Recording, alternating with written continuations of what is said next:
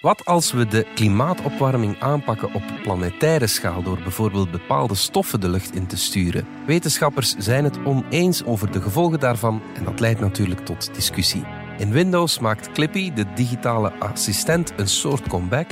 Nijlpaarden kunnen niet zo goed kauwen met hun gigantische bek en Mark Zuckerberg overtuigt nu met zijn nieuwe VR-bril.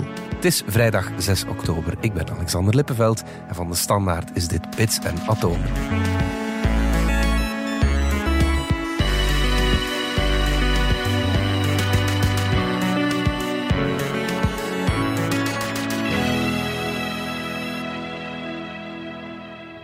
Pieter, het is uh, Nobelprijsweek. Weer geen Belgische uh, winnaar.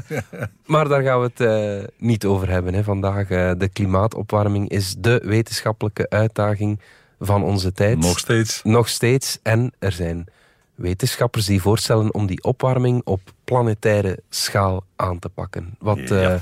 bedoelen ze daarmee? Moeten we de hemel hacken. Oké. De kreet die meestal daarvoor gebruikt wordt is geoengineering. Mm Planeet sleutelen, zeg maar. Uh, technologie gebruiken inderdaad op uh, planetaire schaal. Ja. En er zijn een paar dingen die dan mogelijk zijn. Daar wordt al jaren over gedebatteerd en aangeprobeerd. Scientific American heeft deze maand er weer eens een overzichtsartikel op. En daarmee komt het weer boven. We zitten met een klimaatprobleem. Er zit veel te veel CO2 in de lucht. Dat CO2 houdt de warmte die wij uitstralen hier beneden. Het kan uh, veel te weinig het heelal in. Dus onze planeet warmt op en dat is niet de bedoeling. Mhm. Dus daar moeten we iets aan doen. Eenvoudigste en eigenlijk eerste manier om dat te doen is te zorgen dat we minder CO2 in de lucht pompen. Ja, ja. Met andere woorden, dat we stoppen met fossiele brandstoffen te verbranden. Ja, dat is de boodschap. Dat is de boodschap. En die verandert niet. en die verandert niet. Nee. Maar Daarbovenop kunnen we nog ook aan de gevolgen van dat CO2, als het al in de lucht zit, kunnen we daaraan werken. We kunnen bijvoorbeeld CO2 uit de lucht proberen halen. Opzuigen, uh, filteren, uh, vloeibaar maken en onder de grond in mijnen pompen. Ik zeg maar iets. Ja, ja. Gebeurt op kleine schaal in IJsland ergens, dacht ik. Ja. Maar, ik geloof in Denemarken dat er ook zo'n project uh, gestart is. Zo best kunnen. Hier en daar is men dat aan het proberen. Ja. Dat zijn ja, druppeltjes op een hete plaat. Nu, van de andere kant, er zijn wetenschappers die zeggen... we zullen elke druppel nodig hebben. Ja. Ook dit soort uh, heel lastige technologische dingen. Een andere manier om CO2 te vangen is om uh, te zorgen dat de plantengroei extra stijgt. Saudi-Arabië heeft net aangekondigd dat ze gaan proberen van de woestijn te vergroenen. Oké. Okay. Dat, dat wordt is nog wat anders, maar goed, uh, de bedoeling ja. is er. Mm -hmm. Jaar of twintig geleden, uh, toen heeft men geprobeerd om de oceaan te vergroenen. Men had vastgesteld in zones in de oceaan waar weinig plankton en weinig algen en zo verder zijn. Mm -hmm. Het probleem is dat blijkbaar er niet zoveel ijzer in het water zit. Ja. En ijzer is een van de dingen die uh, planten nodig hebben om een bladgroen te maken. Ja, ja. Dus oké, okay, we kopen ijzersulfaat, dat is ongeveer het goedkoopste ijzerzout dat je kunt krijgen. Mm -hmm. We kwakken dat in zee en we kijken wat er gebeurt. Ah ja, oké. Okay. Vanaf een schip uh, uitgeladen, dan gekeken en de oceaan lijkt toch wat groener te worden. Ja, oké. Okay. Oh, ja. Dus blijkbaar, als je ijzer aan de oceaan toevoegt, dan uh, krijg je meer uh, algen. Mm -hmm. De vraag is, halen die algen uiteindelijk genoeg CO2 uit de lucht? Mm -hmm. En creëren geen neveneffecten die veel erger zijn. Ja, ja. Wat je vaak ziet bij algenbloei, is dat die algen gifstoffen produceren, mm -hmm. die al de helft van het leven in de buurt uitmoorden. Dan op het einde van hun leven allemaal tegelijk gaan rotten, alle zuurstof uit het water halen daarbij, en wat er nog in het water zat ook vermoorden. Nu, dat is een ongewenst neveneffect. Dat is een ongewenst neveneffect. en dat is het grote probleem bij, bij heel deze technologie. Wat zijn de ongewenste neveneffecten? Uh, een andere technologie waar ze aan denken is om zonlicht zoveel mogelijk terug te kaatsen, zodat er minder warmte de aarde binnenkomt. -hmm. En dan moet je aan de wolken gaan knoeien. Men heeft daar vanuit de natuur een beetje ervaring mee. In 1991, de uitbarsting van de Pinatubo. -hmm gigantische vulkaanuitbarsting, 20 miljoen ton uh, zwaveldioxide de lucht in. Okay. Gevolg 1 à 2 jaar een halve graad minder ja. wereldtemperatuur. Dat is ook altijd de oorzaak van ijstijden, uh, of toch vaak ja, geweest. speelt ja, ook daarin mee. Ja, dus heeft men gezegd, als we nu eens extra SO2, uh, zwaveldioxide, in de lucht gaan pompen, zou dat niet kunnen helpen om inderdaad uh, kristalletjes te vormen erboven die dan zonlicht weer kaatsen en uh, licht uit de lucht halen. Oké, okay, we, we, hebben de gegevens, 20 miljoen ton, geeft twee jaar lang een halve graad minder. Mm -hmm. Dus dan kun je gaan rekenen, wat moeten we dan doen om iets doen dat effectief is. En dat komt er dan op neer dat je toch, ehm, zeg, een dikke honderd jaar lang elke dag een ehm, honderdtal vliegtuigen van elk 16 ton de lucht moet injagen met aan boord allemaal SO2. Wat je dat, dat vandaag gaat halen en hoe je dat gaat doen is wat anders. Ik vind dat dat al niet gezond klinkt. Uh, om nee, het klinkt ook niet gezond. Nee. En we weten inderdaad uh, nu al dat als je wolkenpatronen gaat verschuiven en wolken maken waar ze er niet zijn, of waar ze minder waren, dat je dan bijvoorbeeld moessons gaat verschuiven. Ja. En als je de moessonregen verschuift, dan zitten ze in India en in Pakistan straks zonder eten. Ja, ja, ja. Dus uh, waar ben je dan mee bezig? Mhm. Een beetje op kleine schaal zie je dat bij het uh, El Nino-effect. Mhm. Dat ontstaat doordat er natuurlijke schommelingen zijn in de moessons. En dat die af en toe een jaartje is minder zijn. Als dat gebeurt, dan krijg je de hele cyclus uh, van die El Nino met alle klimaattoestanden die dat geeft. Dus jongens, alsjeblieft, als je dit op grote schaal begint te doen, Ja. kijk eventjes uit. Met al die dingen zet je een domino-effect in gang dat eh, te onvoorspelbaar dat is. is ook, vaak onvoorspelbaar. Ja, is, ja. Eh, het gebeurt ook op het niveau van de ozonlaag, eh, waar je die SO2 moet gaan vrijstellen. Dus, en dan die reactie om van die SO2 uiteindelijk SO, SO4, zwavelzuurdruppeltjes te maken. Daarbij worden radicaal hetgeen erboven gebruikt, die ook meespelen in eh, ozon Ja, en het ozongat. ja, Dus ja, dat is toch allemaal... eh, het haakt ineen, het is, het is akelig. ja. Wat men ook geprobeerd heeft, is om eh, hogere cirruswolken eh, weg te doen. Dat zijn wolken die eh, zonlicht weerkaatsen. En vooral die infrarode straling die vanuit de aarde komt, warmtestraling tegenhouden, opvangen en hier beneden houden. Dus als je die wolken zou kunnen oplossen, zou er meer warmtestraling het heelal ingaan. Ja. Joepie. Ja, ja. Men heeft dat al van in 1962 geprobeerd. Uh, zilverjodide vanuit vliegtuigen in die wolken spuiten.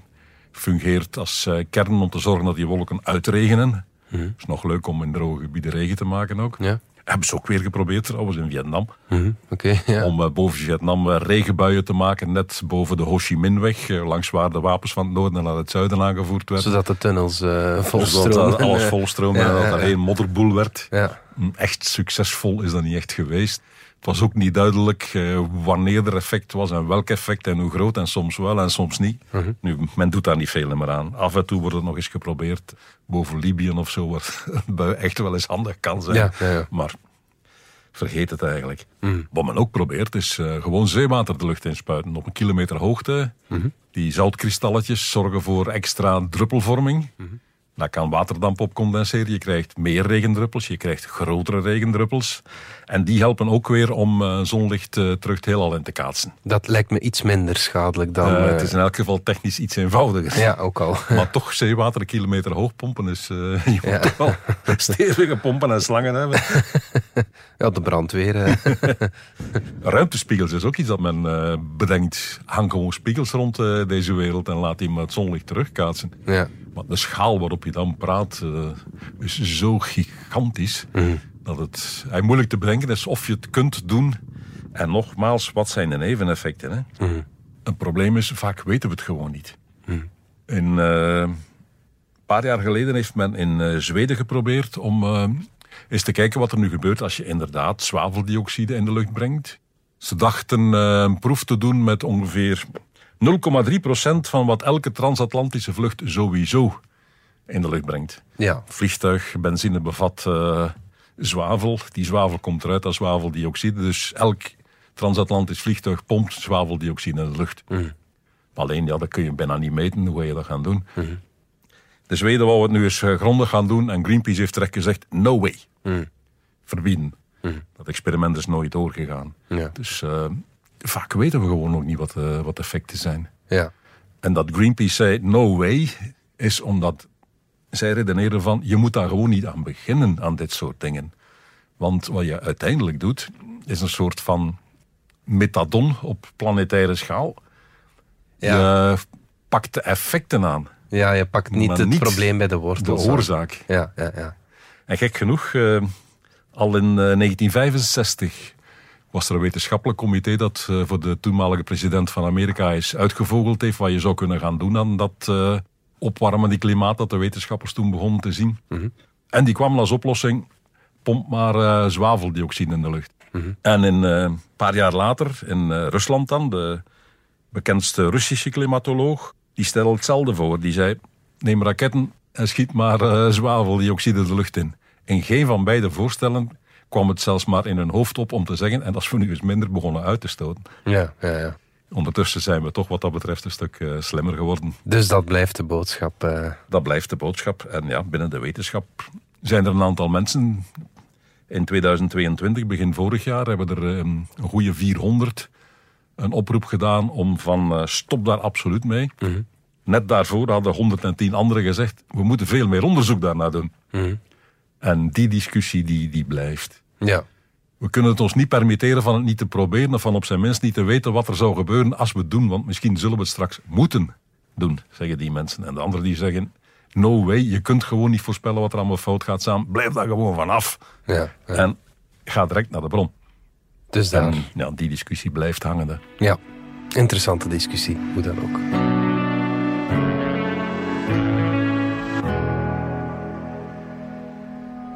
Dominique, in uh, Windows 98 vroeger had je Clippy, dat uh, paperclipje dat je moest helpen oh, bij... ergerlijk ding. Ja, bij, heel ergerlijk ding. bij computertaken. Dat komt op een manier terug, maar het is uh, een pak intelligenter dan uh, Wel ja, 25 jaar geleden. Voilà, dus ik heb nu op mijn Windows 11 computer de Copilot mm-hmm. staan. Ik moest een beetje prutsen om die tevoorschijn te toveren. Maar het, in principe is hij dus gelanceerd. Uh, sinds, sinds enkele dagen kun je eraan. Kwestie van dus te kijken of alle updates op je Windows-systeem geïnstalleerd zijn. Mhm. En ook eens kijken, ja, men had me dan van Microsoft verteld, ja, het gaat waarschijnlijk niet lukken voor het Nederlands, maar als je je toestel op Engels zet, lukt het wel. Dat heb ik Mhm. ook gedaan. Ik heb het toestel op Engels gezet, maar ik heb het daarna terug op Nederlands gezet en dan blijft die Copilot gewoon staan. Dus dat is al het goede nieuws. En Ja, wat heb je dan? Dan heb je in je taakbalk een klein kleurig eh, pictogrammetje. En als je daarop klikt, dan komt ja, de Copilot, jouw Mhm. AI-assistent tevoorschijn. En die pakt dan ongeveer een derde van de, je scherm in. Aan de rechterkant van je scherm komt zo'n venster. En dat lijkt heel erg voor Dat is gebruikers. nog meer dan clipje in de Nee, tijd. nee. Maar het is nogal groot. Het is dus nogal groot. En dus werkt het eigenlijk alleen maar goed als je eh, twee beeldschermen aan hebt staan. En Mhm. dus ik heb inderdaad mijn laptopscherm en ik heb daarnaast een groot scherm waar ik dan mijn echte werk op doe. Ja. En dan werkt dat schitterend. Ik vind, ik vind het geweldig. Dat aspect toch al. Dus het hele idee van ik hoef niet een browser te openen en dan naar ChatGPT te surfen. Nu is die intelligente AI-assistent gewoon op je Windows desktop. En bijkomend voordeel, hij is bovendien gebaseerd op de slimmere versie van de GPT-taalmodellen van OpenAI, namelijk GPT-4. Eh, Maar ook nog eens kan hij aan de instellingen van je PC. Dus hij kan je helpen met de instellingen van je PC. En moeit hij zich of moet je er zelf om hulp vragen? Ja, eh, op dit moment eh, schijnt hij zich niet te moeien. Dus inderdaad, neem. Dus je, je vraagt ernaar, je roept de AI-assistent op en dan kan je intikken of je kan het op het microfoontje klikken. Dat gebruik je op een computer eigenlijk nooit. Eh, je tikt gewoon je vragen. En dan werkt het goed om je instellingen van je PC te verbeteren. En het antwoord is nee, op dit moment niet. Het werkt niet goed. De grote teleurstelling, het eerste dat ik vroeg is van... eh, zet het geluid van mijn computer wat harder. En dan was het antwoord, oké, ik zet het beeldscherm wat helderder. Oké. En de reden is het overgaan in de dark mode, hè, in Mhm. de nachtmodus van je, van je scherm. Dat is de functie die ze zelf het meest aanhalen. En ook heel de tijd suggereert die Copilot, weet je wat ja. ik voor jou kan doen? ik kan dat, beeldscherm wat donkerder zetten. Ja, dus, dus dat wordt naar voren geschoven als het typische scenario. En dat werkt wel. Mhm. maar toen ik dus het geluid harder wilde zetten, dan begon hij dan toch aan dat beeldscherm te prutsen. En aan dat geluid kan hij eigenlijk niet aan. Soms kan hij, Ja. kan hij zelf zeggen van kijk, wil je dat ik het scherm Mhm. donkerder zet? Ja, nee. En dan mag je klikken op ja of klikken op nee. Ja. Eh, dat is heel handig. Dat vind ik goed werken, want soms moet je drie, vier lagen diep Mhm. in de instellingen van Windows eh, knutselen, eh, klikken om, om iets waar, te verzetten. Ik heb hier Dus- bovenaan mijn scherm twee knoppen. Eentje met een zonnetje dat hard schijnt Ah, ja, ja, en eentje met dat een... is- dat- dat- dat is waar. Dat is toch is even, dat is toch even veel gemakkelijker? Nacht, die nachtmodus is ietsje moeilijker. Dat is, Ah, ja, dat is ja. waarbij dat je dus wit en zwart eigenlijk om, om, Omkeert, eh, keert en je Ah, dus zo, eigenlijk witte ja, tekst ja, ook ja. in een zwarte achtergrond krijgt. hè. Dus dat is nog wel iets anders. Maar dus al die instellingen eh, zitten relatief diep toch in de interface van, van Windows. Vooral, je weet niet waar ze zitten. Dus het idee van ik kan het aan die chatbot vragen, is op zich, op zich een heel belangrijk goed inzicht. En dit is eigenlijk een belangrijke evolutie die we zijn aan het zien met die ChatGPT-technologie. Die technologie wordt op zich niet slimmer of beter. we zijn nu aan het zien dat die technologie wordt toegepast op een heel specifieke situatie. En dat is best wel nuttig. Alleen, er staat ook in, in lettertjes op dat logootje staat pre. Het is een pre-release. Het is, het is nog niet af. En dat merk je wel. Het is echt nog niet af. Wat ik ook heel uh, vervelend vind, is bijvoorbeeld, je denkt dan van, ja, ik kan aan mijn pc, dus ik kan bijvoorbeeld uh, mijn documenten op mijn pc mm -hmm. gaan doorzoeken. Wil je niet doen. Oké. Okay, ja. En het zou kunnen dat ze dat gewoon nog moeten toevoegen, maar ik vrees dan een beetje. Er is niet alleen Copilot voor Windows 11 die gratis is, maar er mm -hmm. komt ook een Copilot voor de Word- en Excel-programma's. Dus wat Aha. vroeger Office heette en wat nu eigenlijk Microsoft 365 heet. Mm -hmm. En die is betalend. Okay, die gaat ja. zo'n 30 euro dus per je moet maand een paar achterhouden. Per maand is ja, niet ik weinig heb nu het gevoel effectief dat ze je wel een beetje proberen honger te geven naar Mhm. wat zo'n co-pilot echt kan doen. En, en die honger krijg ik dan wel. Dat idee van, ik kan het gewoon vragen en ik krijg een antwoord. En dat antwoord is vaak een knopje waarop je kan klikken dat zegt dat doe. Doe, Ja. doe dit. Maar je, hoeft, maar je kan nog altijd zeggen: nee, dat bedoelde ik niet. Ik bedoelde iets anders. En doorvragen. Ik vind heel die interactie met zo'n chatbot fijn. Nuttig, werkt nog belangen niet. En ik heb een gevoel, enerzijds omdat het niet af is. En daar heb ik respect voor. Ik ben blij dat ik het al kan oproepen. Ik denk als je het niet bewust probeert, dat die waarschijnlijk niet tevoorschijn zomaar gaat floepen. Die, maar wie geïnteresseerd is, zeker eens proberen. Maar dus voor een stuk werkt het nog niet omdat het niet af is. Maar voor een ander stuk denk ik ook een beetje dat ze het bewust een beetje vastketenen om geen En, concurrentie en, te en zijn. waar liggen dan nog de, de mogelijkheden? Stel, je printer werkt niet. Dat is zelfs geen stel. Dat gebeurt gewoon altijd als je je printer nodig hebt. Kan je dan ook zeggen, eh Copilot, los het op? Wel. Als je geen inkt moet gaan vervangen en zo. Hè? Maar zo, Er komt altijd een antwoord, maar soms is het antwoord gewoon... dan googelt hij gewoon de vraag. Zo, zo, enfin, hij Ah, ja, googelt het ja. niet, hij bingt het natuurlijk. Want Ja. we zijn met Microsoft en Bing bezig. De toegang tot je... rechtstreekse toegang van de chatbot tot de instellingen van je Windows-PC is nog zeer beperkt. Het is duidelijk wel de richting die ze uit willen. Hè? En- Privacy speelt ook natuurlijk. Ja, moeten daar moet je ook mee opletten. Hè? Want dan is ook de, bijvoorbeeld de vraag is altijd de hele tijd: ben ik, wo- wordt deze vraag nu lokaal verwerkt of wordt die uitgestuurd naar de servers van Microsoft? En het antwoord is trouwens: dat wordt meestal uitgestuurd naar de servers van Microsoft. Het is geen lokaal AI-systeem. Dus ja, daar moet, je, daar moet je rekening mee houden. Maar bijvoorbeeld, eh, wat ik dan heel handig vond, hè, dus de, de tekstgenerator. Hè, bijvoorbeeld als je zegt van genereer mij een, een tekst voor een e-mail of zoiets. hè. Dus, dus teksten ontwerpen, dat kan ChatGPT ook. Maar, en, en dat kan die Bing-browser ook. Maar dus dat gaat heel handig als je dat op je desktop hebt staan. Ja. Niet alleen teksten, maar ook beelden. Je kan gewoon zeggen van, maak me nu een beeldje van, ik heb toen gevraagd, een kat met een vikinghelm op. Vraag ik. En dat komt er dan uit. Dat wordt aangemaakt met DALI. eh, dus de, de technologie van OpenAI, waar Microsoft heel veel geld voor heeft betaald. Dus Ja. ze krijgen daar de, een goede versie van. Stond niet bij of het nu DALI 1, 2 of 3 is. DALI 3 is net vrijgegeven. Maar was het een mooie kat met een mooie vikinghelm? Ik, ik kreeg vier opties weer, wat typisch DALI is. Ja, Eh, maar de meeste van die beeldgeneratoren genereren standaard een paar opties. En er waren alle vier heel goed. Dus het zagen er allemaal heel mooie beelden uit. En dat is gewoon handig. En ik kon die dan letterlijk daar oppakken en dan op mijn desktop sleuren en er dan iets mee doen. Dus het is toch handig Ja. dat die dingen altijd bij de hand zijn. Tekstgenerator, beeldgenerator en dan ook nog eens toegang tot je instellingen. Ik vind het eh, een interessant idee dat nog niet voldragen is. Maar we zijn in die, deze hele revolutie rond ChatGPT nog geen jaar bezig. Laten we dat onthouden. Ik vind het veelbelovend. Ik vind het Dus veelbelovend. binnenkort kattenvideo's voor TikTok. Dat is dan weer iets anders. Hè? Dus de video, AI die video's maakt. En veel van die specialisten zeggen van ja, eerst foto's en dan komt video. Ik vind dat de video's die gegenereerd worden door AI, vol automatisch gegenereerde video's, die blijven zo ver achter op die beelden, voorlopig, dat ik toch denk dat is misschien een echte levensechte video die er zo komt uitrollen. Misschien toch niet voor morgen. Oké.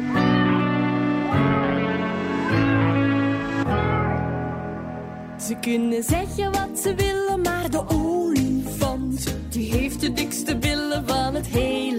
land. En de giraf, de allerlangste nek. En het nijlpaard, de allergrootste bek, bek, bek. Pieter, een eh nijlpaard heeft een gigantische bek, dat weten we ja. natuurlijk. eh, maar erg goed kouwen kunnen ze daar blijkbaar niet mee. Nee. Ja, Ze, jammer. zijn wel het, eh, ze hebben het wereldrecord eh, bek opensperren. Ah ja, Er is geen enkel zoogdier die zijn bek zo ver en zo wijd kan openzetten als een nijlpaard. En hoe ver is dat? eh? Oh, dat is ja. Het is bijna 180 graden, geloof ik. Ja. Hij is in staat om een volwassen krokodil doormidden te bijten. Hap. Pff, Ja. Dat is een stevige bek. eh. Slangen kunnen hun bek misschien nog iets verder openzetten, maar die hebben dan ook een speciaal scharnierende onderkaak Ja. om echt eh, dingen eh, te kunnen opeten die groter zijn dan, dan zij. En, Onder de eh, zoogdieren zijn nijlpaarden de Ja. winnaars. Ja, ja. Met één eh, onderkaak met maar één scharnier aan de achterkant. Er is geen enkel eh, die zijn bek zo wijd kan opensperren eh, als een nijlpaard. Maar dat heeft gevolgen, blijkt nu. Eh, nijlpaarden zijn eh, planteneters, of toch hoofdzakelijk. Eh, ze eten wel eens een beetje rottend vlees, of zelfs eh, al is een levende prooi, maar dat is zeldzaam. Het zijn planteneters. Elke nacht eh, zo'n kilo of 60 eh, gras per nijlpaard. 60 kilo gras. Dat lijkt veel, maar vergeleken met een koe of een paard is dat eh, eigenlijk matig. Ah ja, oké. ja. Ze eten niet zoveel en ze eten niet zoveel omdat ze het niet verteerd krijgen. Ah ja. En ze krijgen het niet verteerd omdat ze het niet kunnen voorkouwen. Ah. Of niet voldoende kunnen voorkouwen. Als je een keutels bekijkt, daar zit half verteerd gras in. Of, ja, dat is gewoon niet goed verwerkt. Ah ja. En dat komt weer omdat ze hun kaak alleen op en neer kunnen klappen. En En niet- heen en weer de maalbeweging die wij gebruiken om alles fijn te malen. Ja. eh, Zoals mama altijd zegt, goed kouwen. Goed kouwen. Goed kouwen, Ja, dat, eh, dat kunnen ze dus niet. Eh, probleem nummer één is, ze hebben serieuze slagtanden. En die steken een stukje buiten hun eh, bek uit zelfs. En die slagtanden die grijpen in elkaar en verhinderen dat je opzij gaat. Maar nog belangrijker, hun snijtanden grijpen ook in elkaar. En ook de snijtanden verhinderen al dat ze die bek heen en weer bewegen. Er zijn mensen van de Universiteit van Zurich die dat nu eens uitgeprobeerd hebben. Ze zijn gaan eh, filmen in de zoo van Basel en die van Kopenhagen. Hoe daar eh, gewone nijlpaarden kouden en hoe daar dwerg nijlpaarden kouden. Dat zijn de twee soorten nijlpaarden die op dit moment eh, nog leven. Ooit hebben er ook in Europa nijlpaarden geleefd. Hippopotamus antiquus en Hippopotamus incognitus. Maar die zijn allebei al lang dood. nu zie je ze alleen nog in, in Afrika. En ook daar blijkt, als je de video's ziet, ja, de dwergnijlpaarden kunnen nog een heel klein beetje heen en weer bewegen, maar ook niet echt veel. Ja. Dan zijn ze ook gaan kijken in eh, musea naar eh, ja, schedels. Hebben ze iets van een eh, dikke honderd ook eens allemaal getest en met de hand heen en weer bewogen en zo. En ook daar zie je, ja, die, die kaken zitten gewoon vast. Ja, oké. Hebben ze ook nog iets heel toevallig ontdekt. Wat bewijst dat je altijd voorzichtig moet zijn met wetenschappelijk onderzoek. En nijlpaarden die hebben eh, tanden zonder wortels, zoals onze melktanden. Ja. Die zitten dus wel vast in het kaakbeen en redelijk vast, maar er zijn niet echt wortels aan. Dus je Ja. kunt ze tamelijk gemakkelijk lostrekken. Ah ja. En zeker als het eh, beest overleden is en alle bindweefsel weg is, zitten die tanden los. Dus wat doet men in musea? Men lijmt die tanden vast. Ah ja. En om die bekken mooi te laten zijn en die tanden lekker groot te laten zijn, halen ze die iets verder uit de kaak dan ze eigenlijk van nature zouden moeten staan. Ah ja. Dus om ze een mooie smile te geven, lijmen ze die tanden verkeerd vast. Dus als je dan wetenschappelijk onderzoek doet op verkeerd vastgelijmde tanden, is je resultaat ook verkeerd. Ja. Goed, dat hebben ze dus op, de, op tijd ontdekt. En het eindresultaat is, eh, ze kunnen heel lastig kauwen. Ja. Nu is de vraag waarom. Het antwoord is, dat weten we niet. Maar er is een goede gok om daarmee beter te kunnen vechten. Om een kaak te hebben die heel krachtig is, heel zwaar gebouwd, heel stijf. Die heel ver open gaat, waarmee je dus grote happen uit je tegenstander kunt nemen. Ja. En men neemt aan dat men het gevecht tussen mannetjes eigenlijk voorrang gegeven heeft op het goed kunnen kauwen. Ja. Oké. Dus het zijn eerder strijders dan dat het eters zijn. Ja. En zo legt Darwin weer wat van zijn geheimen eh, bloot. Straks hebben we het over de Quest 3, de nieuwe VR-bril van eh, Meta. Maar eerst gaan we er even uit voor reclame. Stop. Wie zit er nog met vragen? Vragen als elektrisch laden, hoe doe ik dat eenvoudig? Slim? Voordelig? Ontdek al onze laadoplossingen op maat. Want bij Engie willen we dat iedereen mee is. Engie, al onze energie gaat naar jou.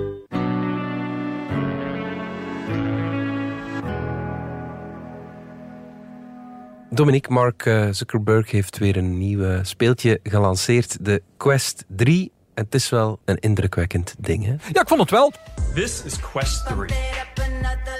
We wisten allemaal dat die er aankwam. hè, want toen- we hebben het eh, voor de zomer al even gehad over eh, Apple. Dat zijn Vision Pro eh, bril, zijn eerste ja, dat noemen we nu mixed reality. Hè? Dus het is een VR-bril die ook met een camera naar buiten kijkt. Noemen ze het mixed reality. Hè? Dus zo'n mixed reality-bril heeft voorgesteld. Een heel duur toestel dat uh, waarschijnlijk bij ons zo'n 4000 euro gaat kosten. En dat volgend jaar uitkomt. En opeens is iedereen toe gaan nadenken van wacht maar eens. Apple het doet.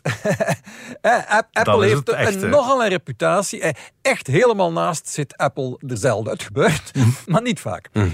Dus dan denkt iedereen, wel, die moeten wel iets hebben. En plots begon iedereen terug die dingen van Meta wat beter te bekijken. En wat blijkt nu? Dat je eigenlijk met die nieuwe bril die Meta klaar heeft, grosso modo, kan je dat eigenlijk ook wel met die Quest-bril, die ja, ongeveer een zevende, een achtste van de prijs is.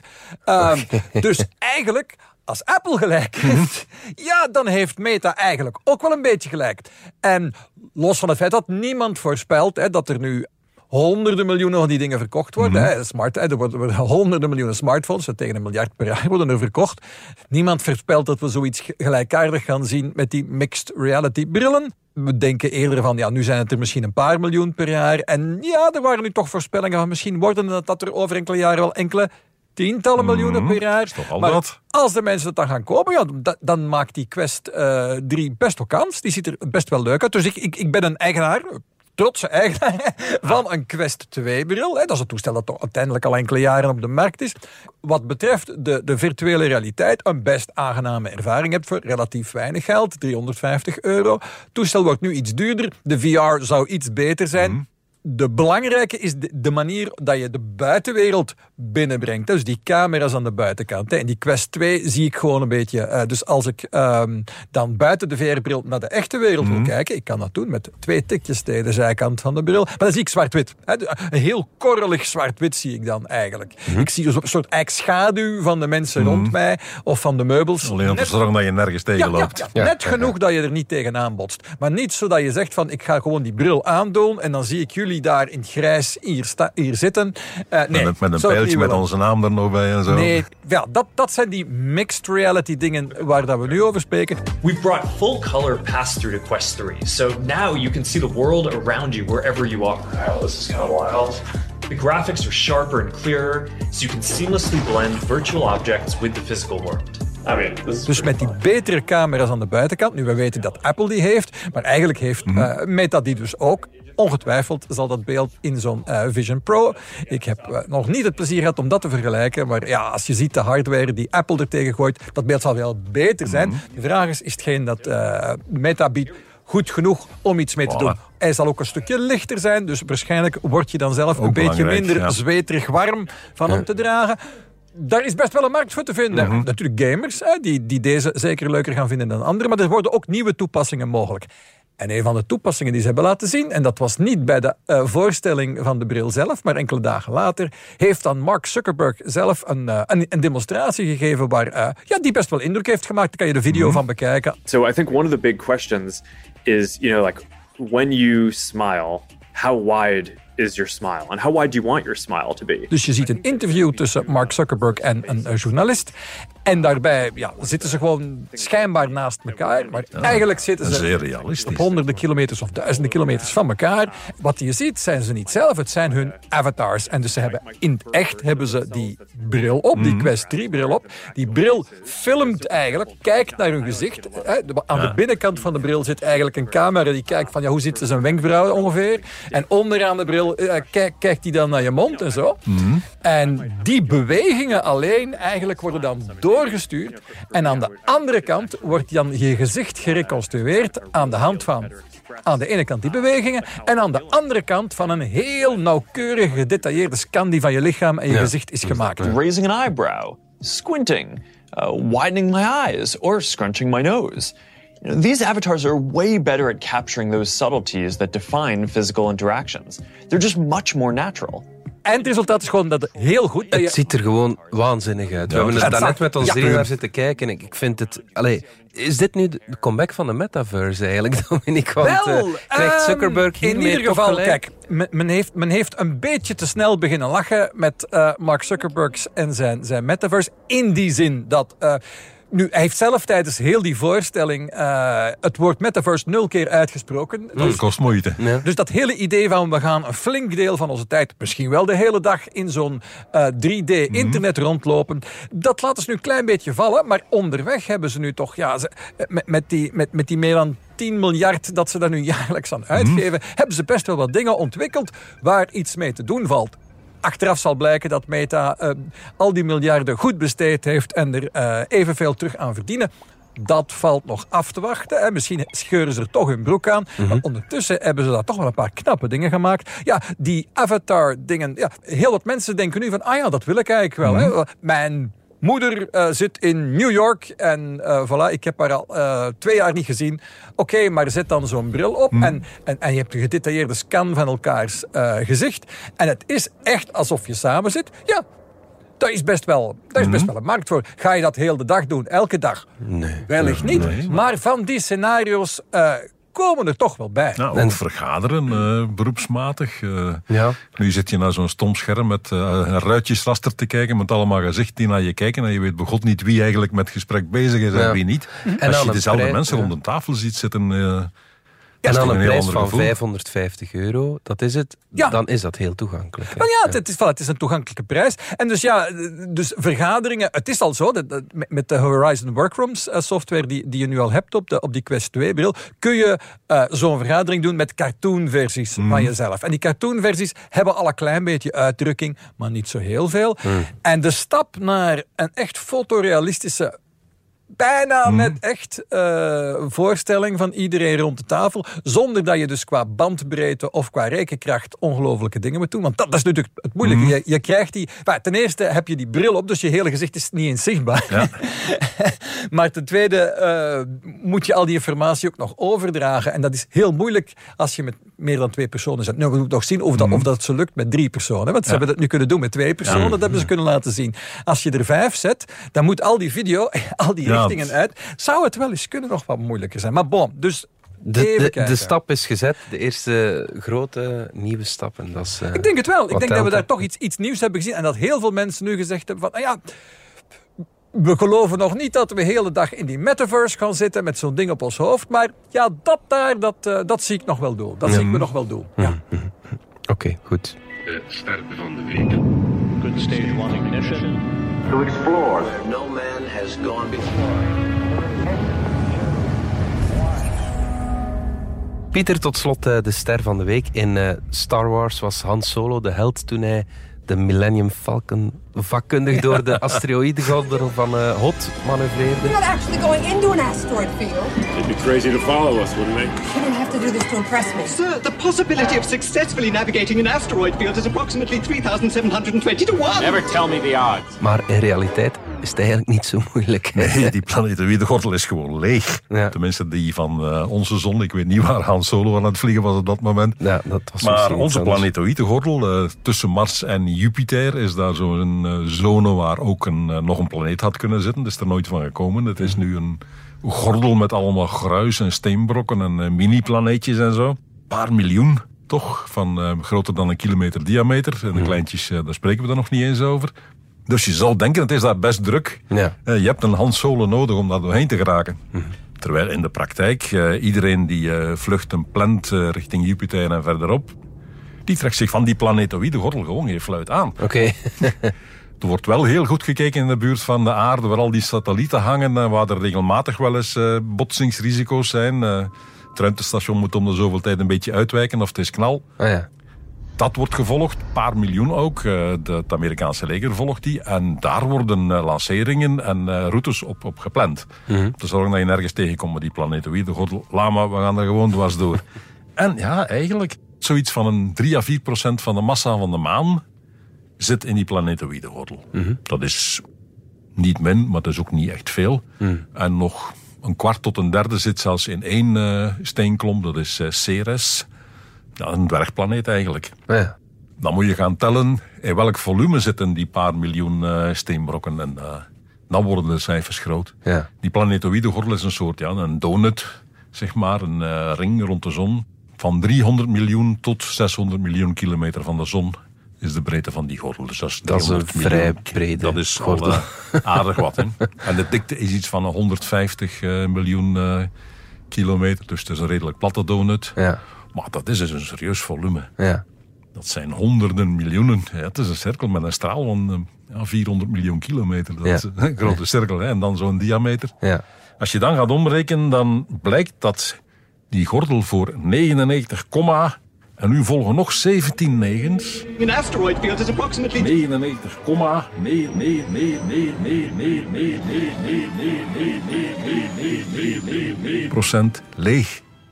Dus je moet al heel veel geluk Je hebben moet al om een- iets heel veel geluk hebben. Ja. Er is Of iemand pech. die, ja, of pech, ja, eigenlijk Ja, pech. eigenlijk pech. Er is Ja. iemand die uitgerekend heeft, als je Han Solo bent en je vliegt elke dag heen en weer door die planetoïde gordel, Ja. dan ben je tegen dat de zon uithoofd nog bezig en heb je nog steeds niks tegengekomen. Ja, oké. Met andere woorden, Han Solo, to impress me. niet zo opscheppen, alsjeblieft. Yes, we've got it. Dit was Bits en Atomen, onze wekelijkse podcast over wetenschap en technologie. Bedankt voor het luisteren. Alle credits van de podcast die je net hoorde vind je op standaard.be-podcast. Reageren kan via podcast.standaard.be. Volgende week zijn we er opnieuw.